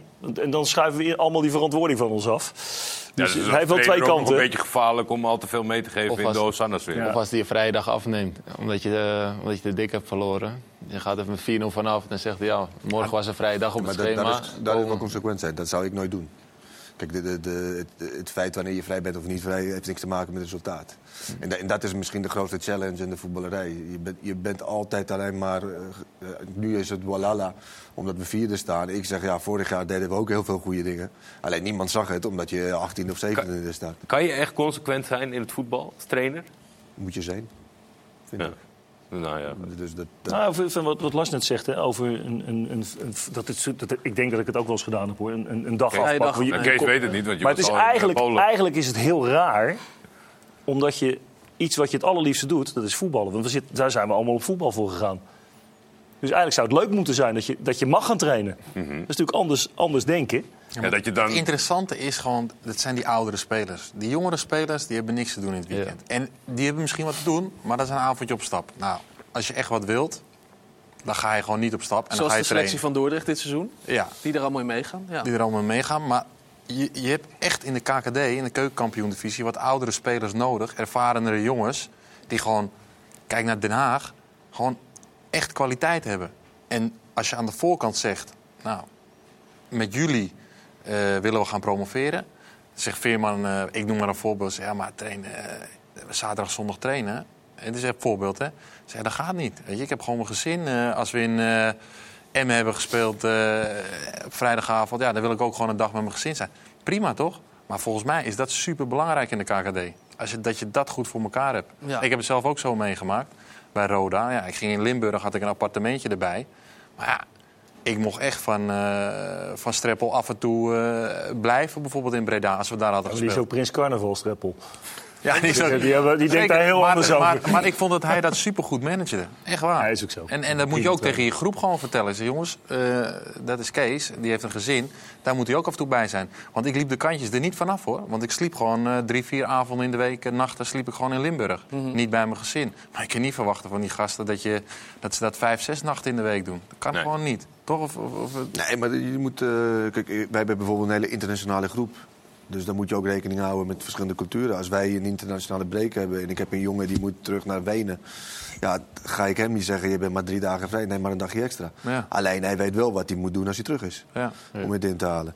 En dit, nogmaals, het resultaat maakt het veel makkelijker, zoals we hebben gezegd. Nu kan ik alles vragen wat ik wil, want Mhm. iedereen wil alleen maar trainen. Ja. De, de jonge generatie, vind ik, eh, die willen niet eens gaan stappen.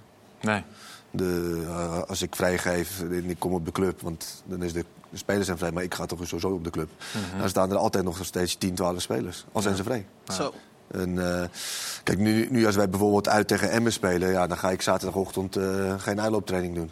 Mhm. Want eh, dan dan ben je pas om twee uur s'nachts eh thuis. Ja. Ja, dan, eh, dan, dan is bijvoorbeeld goed slapen beter voor je herstel dan, gaan, dan uitlopen. Ja. Maar nogmaals, dan staan er toch twaalf spelers in de gym te trainen. Wauw, ja, dat is wel eh, bijzonder. Straks willen we meer horen over je tactiek en wat eh, Dordrecht zo goed maakt. Maar eerst even naar de cijfers, ook wel belangrijk. Want eh, Dordrecht doet het goed, staat dus vierde, dat is één cijfer.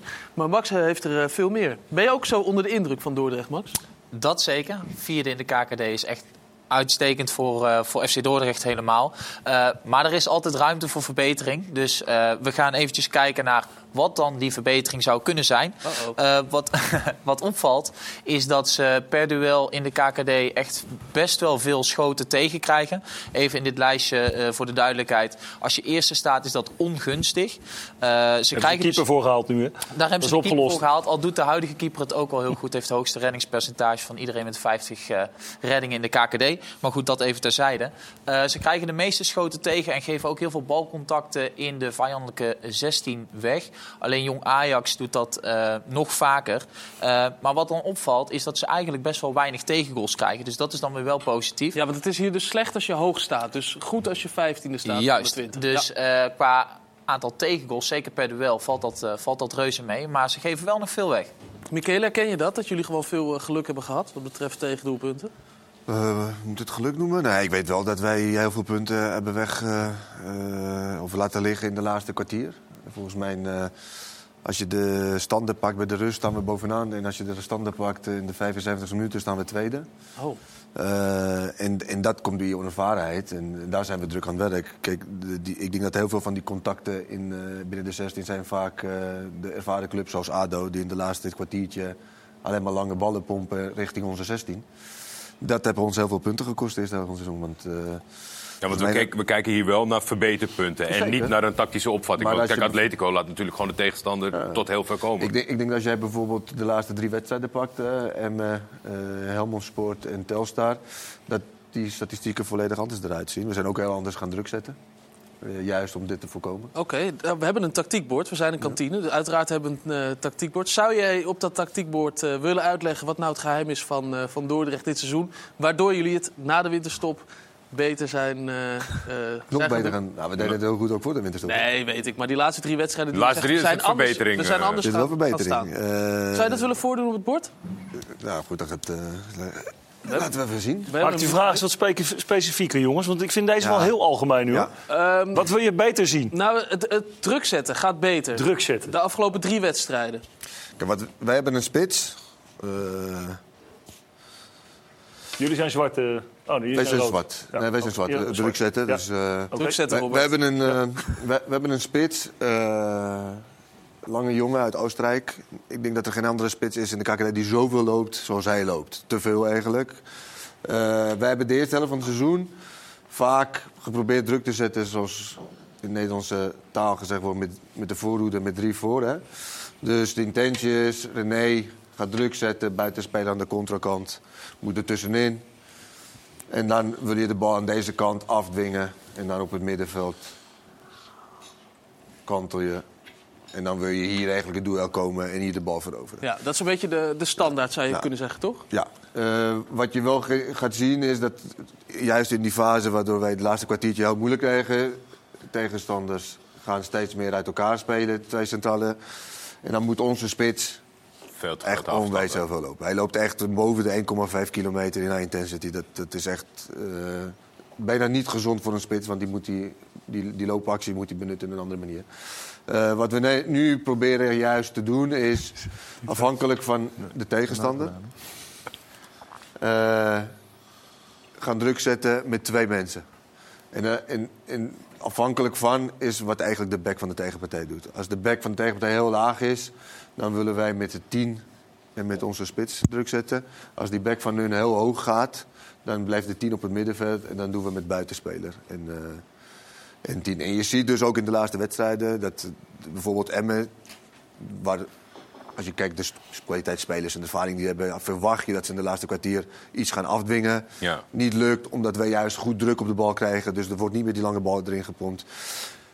Want qua lengte komen we altijd iets tekort. Ja. Maar we zijn niet een eh, fysiek een hele sterke eh, team. Hè. Onze linksback is 1,65 meter. Nu hebben we een nieuwe rechtsback, die is ook niet veel groter. Onze centrale duo is 1 meter 2,83.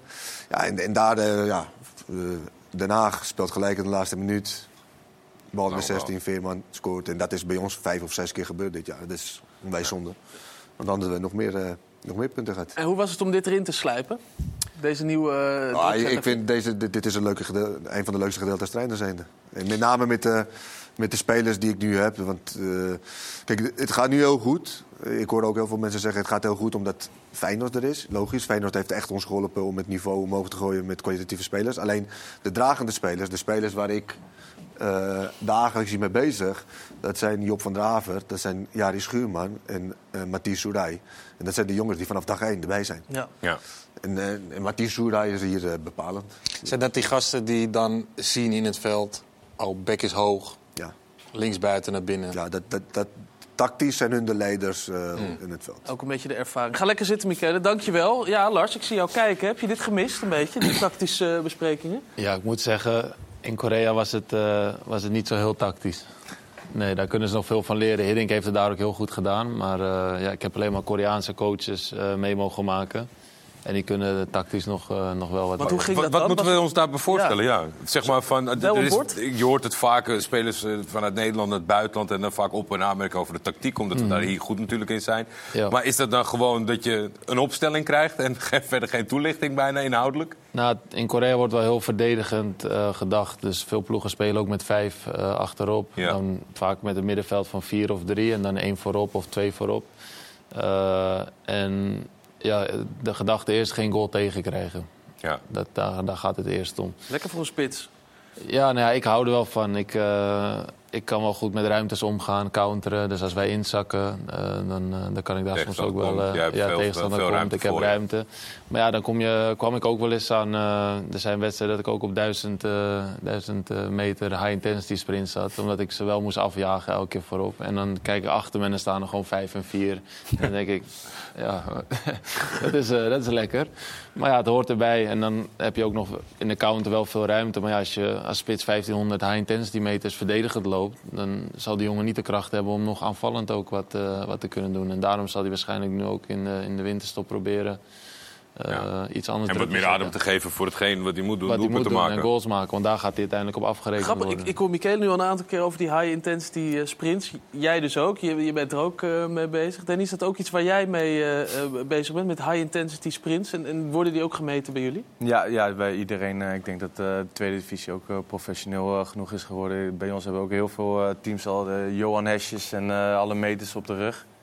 Dus ja, dat, dat, eh, daar is Quickboys in ieder geval heel veel mee bezig inderdaad. Ja, en dan kijk je ook meteen naar die data als je klaar bent met een, eh, met een training of een eh, wedstrijd. Dat je denkt, hoe, wat zijn mijn high-intensity sprints geweest? Nee, ik niet. Ik weet dat ik altijd wel een beetje onderaan de streep ga. dus eh, ik laat het altijd aan me voorbij gaan. Maar, je Maar heb jij ook zoiets... Prima, ik ben richting het einde van mijn carrière. Ja, ik doe maar. weet je, dat, iedereen weet dat ik... eh, dat ik niet meer de meeste meters maak. En eh, al die jonge jongens die, die rennen erheen om te kijken wat ze... Voor die 20 minuten is het ook zat, toch? Ja, toch? Ja, meer heb je niet nodig. joh. Nee. Goed, ja, ik, ik hing het wel eens in de kleedkamer op ook. Heel Ja, het bewust. was gewoon even ja, eh, gewoon prikkelen. even prikkelen. Van, eh, joh, er kwam er iemand klagen van ja, ik, ik speel niet en weet ik veel allemaal. En dan hing ik de volgende dinsdag eh, na, na een eh, intensi- intensieve training, dan hing ik gewoon de score erop. En dan Stond stond, stond te ze gewoon zo bubbelen. onderaan. Ja, en Ja, dan en, en dan is heel simpel. Dan verlies je ook al je partijtjes 4 tegen 4. Want die hingen ernaast. Ja. Wat is de uitslag van het toernooitje? Ja, die ploeg heeft verloren. Ja. Voor hoe zou het komen? Ja, er stonden er vier die het minste gelopen hadden en het minste gedaan hadden. Straks gaan we verder praten over eh, onder andere ook high intensity. Want daar ben je nooit over uitgesproken. Zo is het dan ook. En we gaan voorspellen, want eh, wat gaat er eigenlijk allemaal gebeuren dit Eredivisie weekend? We zijn heel erg benieuwd. Op dit moment wordt de hele kantine omgebouwd. Het eh, tactiekbord gaat eruit. En daarachter daar hangt dan ons heilige voorspellingenbord. En straks gaan eh, eh, Danny en Lars daar hun keuzes op schrijven. We zijn zo bij je terug. Heel graag. Tot zo.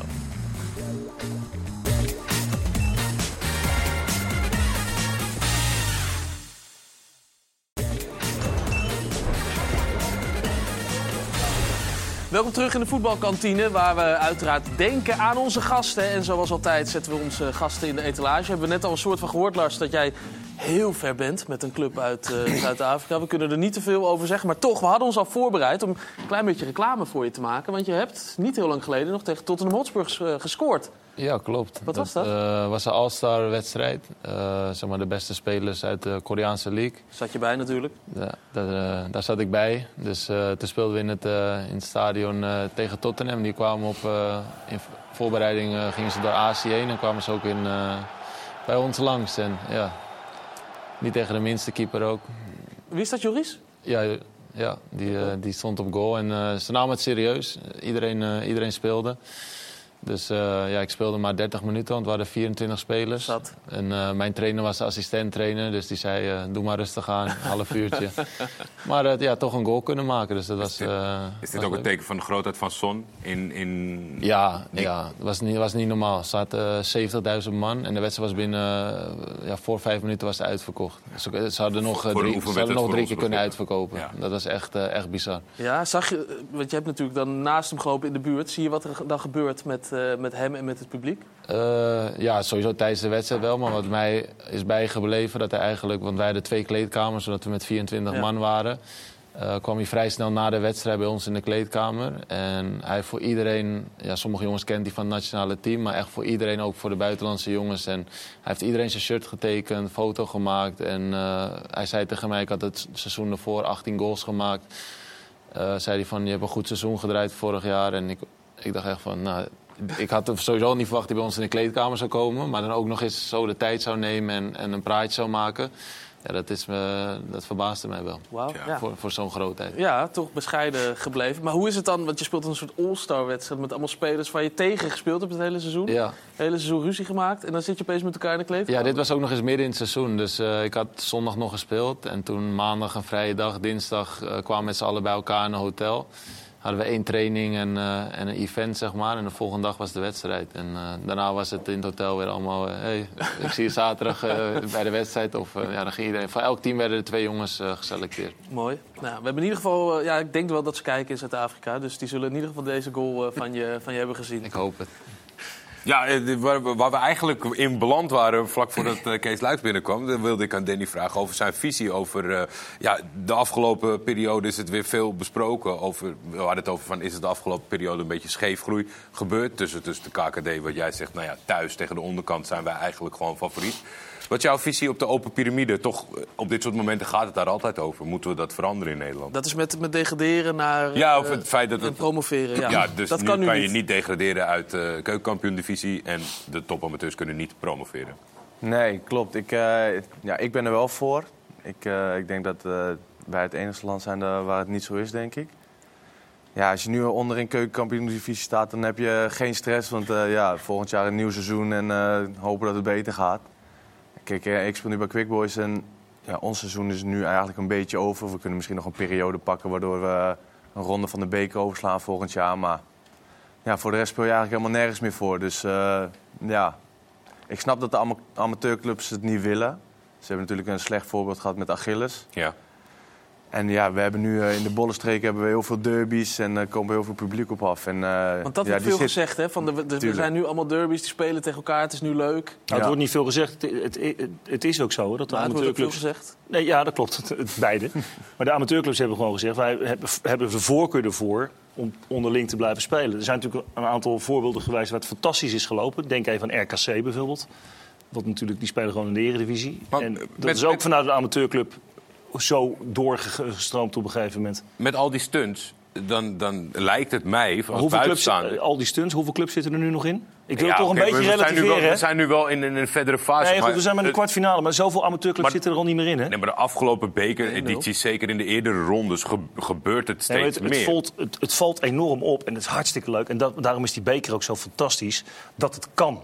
Ja, en dat Spakenburg zelfs tot, volgens mij tot de halve finale is gekomen. Ja, PSV Eh, verloren. Maar dat wil natuurlijk niet zeggen dat, dat clubs op een structurele basis zomaar even mee gaan draaien. Op dezelfde manier zoals ze dat nu zouden doen.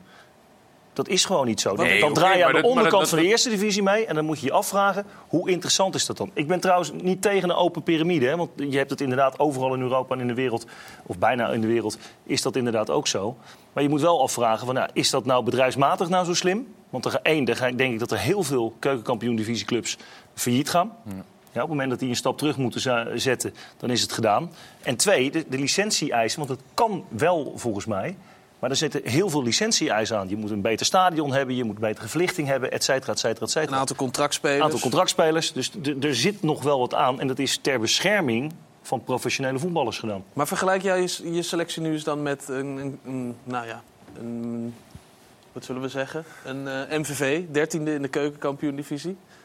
Eh, ja, ja, wij hebben wel ook een hele jonge selectie hoor. Dus, eh, kijk, en ik ken de selectie van de MVV ook Nee. Ik kijk ik- het schakelprogramma wel eens. Maar ja, ik denk dat eh, heel veel spelers van ons wel eh, bij MVV ook in de basis zouden staan. Ja. Ik ben benieuwd, Michele, als jij kijkt naar die bekerrondes... En je, en je ziet een Quick Boys voetballen. Wat, wat, wat is jouw visie? Jij werkt met die jongens bij Dordrecht. Dat staat nu, staat nu vierde, maar komt van laag af. Als je dan die amateurs aan het werk ziet, qua niveau... Kijk, eh, het- zoals Robert zegt, het is superleuk dat het in de beker Mhm. deze stunts gebeuren. Want het is de romantieke kant van voetbal. Eh, ik ben ook super mee eens dat als je het in een competitie zou hebben... waardoor de drie punten elke keer echt een waarde hebben... denk ik dat het, het gat veel groter wordt. Ja. Het is meer een soort van mentale spelletje geworden. Een amateurclub die heeft niks te verliezen. En, eh, en die gaat met een totale andere instelling de wedstrijd in. Alleen eh, als we teruggaan over het topsportklimaat. eh, logisch, ook in de amateurwereld wordt steeds meer gekeken naar performance. Maar ja, je blijft maar drie keer in de week trainen. Ja. Nou, wat ook, veel- als ik ja. je aan mag vullen, wat ook zo is, dat bij heel veel amateurclubs, ook top-amateurclubs, zijn allemaal jongens die uit betaald voetbal opgeleid zijn. Hè. Je hebt het zelf meegemaakt bij NEC. Er zijn heel veel jongens die het betaalde voetbal net niet gehaald hebben. Om wat voor reden dan ook. Vaak zijn het fysieke redenen, maar ook mentale redenen. Ja, dat ze het net niet aankunnen. En gaan dan bij de amateurs spelen, leven dan weer op. En krijgen dan, hebben dan ook al wel meer ervaring. Hè. Het zijn regelmatig jongens boven de 25. Nou, zeker in, in eenmalige wedstrijden. Die kunnen wel pieken op dat moment. En ze moeten vaak binnen één jaar weer terug naar betaald voetbal... om die intensiteit aan te kunnen. Ja. Ja. Ik heb, bij ADO heb ik eh, Milan van Eywijk gehad. Ja, van Excelsior Maasluis, één jaartje, dan terug. En dan heeft hij zes maanden problemen gehad om aan de intensiteit aan te komen. ja. En dit jaar heb ik eh, John Hilton.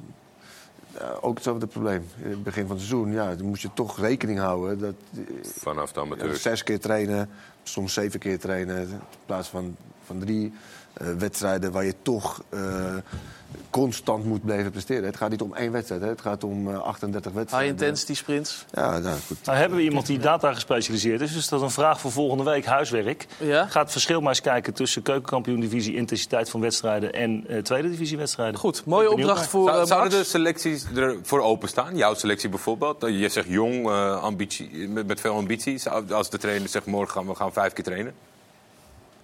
Dat is natuurlijk wel een groot verschil. Eh, ja, het is wel een groot verschil. Ja, ik weet ook niet eh, wat die jongens allemaal doen, maar voor mij studeren er nog een paar. En, eh, maar ik denk wel dat, dat dat ook groeiend is. wat we nu hebben bereikt in een half jaartje met drie keer trainen. Als we dat eh, vijf, zes keer hadden gedaan, dat, eh, dan waren we nog verder geweest. Dus In ieder geval van AZ het, eh, gewonnen, denk ik. Laat, Dan ze we alsjeblieft studeren. Ja. Jongens, we- gaan jullie vooral Voorspellen. voorspellen? Want we zijn heel erg benieuwd wat er allemaal gaat gebeuren dit eh Eredivisie weekend. Loop vooral die kant op. Er liggen als het goed is al eh, pennen. En dan eh, horen we van jullie wat er, eh, wat er allemaal gaat gebeuren. Te beginnen natuurlijk met die wedstrijd van eh, vanavond. De 800ste van Excelsior in de Eredivisie. Eh beginnen we maar alvast met schrijfvoer, eh, Danny. Dan eh, Ja. lezen wij met je mee en dan horen we wat er allemaal gaat gebeuren. Doe een Xie. Een gelijk spelletje. Nou, dat zou Ja, toch... het is mijn oude, is mijn oude club. Ja, oh, ga je daar nu... niet? eh, Welke niet, ja. Voor mij is het makkelijk invullen. Maar de 800ste wedstrijd en ik gun het ze. Dus, eh, Mooi, feestwedstrijd. Oké, eh, Danny, ga vooral door hoor. Schrijf Ja, vooral door. oké. Ook als, ja, Ja, ga naast elkaar. Wij lezen met je mee. Dit is toch vooral gewoon eh Twente. Terwijl NEC mag. goed... eh, ook weer oude club hoor ik. toch wel net iets, dat telt niet. Ik zie. Eens even kijken. Heracles Volendam, nieuwe trainer. Bij? Allebei. Nou ja, allebei hè. Ja. Heracles wint die eh, thuiswedstrijd. Van der Looy op de topstart. Zet zware pot. Volendam had de topstart, ja. ja. Nee, maar Van der Looy bij Heracles. Oh, zeker. Ja. Nee, Volendam was eh, voorspellen de winst dus. Veldweg heeft toch een puntje aan eh Zwolle. Ja, dat is ook mijn oude... Oude ploeg, hè? Ja. Almere, Almere. eh, die gaat... eh, nee, Almere. alleen Die volgens moet Lars je winnen. refuseren van, eh, van, eh, Van, van, afgelopen woensdag, ja. ja. Dus, was een leuke eh, wedstrijd. Eh 2-1 gewonnen door Fortuna Sittard. Dit, Almere eh, gaat wat terug doen. niet- Ja, dit is vrij duidelijk. Dit wordt dus het record hè, wat hier eh, gevestigd eh, gaat worden met eh, de eerste wedstrijden allemaal gewonnen. Feyenoord wint ook weer na de winterstop bij beide ploegen van eh, Vitesse. Dat AFC dus uitschakelde Ja, in de beker. Zie ik weer een oude ploeg of niet? Ja, Ja hoor. weer eentje. Sparta wint bij allebei. En Ajax zonder de verlosser. Jordan Henderson. Eh, winnen, wint bij allebei van eh, RKC. Dank jullie wel, mannen, voor jullie voorspelling, maar ook voor eh, al eh, jullie eh, verhalen. Michele, dank je wel. Fijn dat je er was. Jullie bedankt. Eh, succes met eh, Dordrecht. Minimaal vierde, toch, dit seizoen? Als ik onze eh, algemene directeur mag geloven, gaan we voor meer. Oh, ze gaan zelfs voor meer. Het is maar vier puntjes naar nummer twee hè. Ja, dus het kan allemaal. Het kan alle kanten op. Robert, dankjewel vanuit je eigen stoel. Dat dankjewel je voor deze weer. stoel. Ja. En Kees, dankjewel. Leuk, je, leuk dat je er Leuk dat je eh, ook nog even kwam. In ieder geval, nou, zo wil ik Ik het eh, niet ga best zeggen. sneller thuis, denk ik. Hierna uiteraard IS, eh ESPN Vandaag. Want we zijn nog niet klaar op ESPN voor vanavond. ESPN Vandaag komt hierna. Daarna natuurlijk voetbal op vrijdag. Het schakelkanaal, het heilige schakelkanaal op de vrijdagavond. Ehm, en met tegen Groningen gaat dus niet door vanwege het norovirus. Maar er zijn nog veel meer leuke wedstrijden. En daarna is er natuurlijk veel om over na te praten. Al dat voetbal maakt de tongen los in Voetbalpraat. Gaat dat eh, allemaal voorbij komen. Je zit de hele avond goed op ESPN. Maar eigenlijk het hele weekend. Dus we gaan elkaar uiteraard laten zien. Tot dan.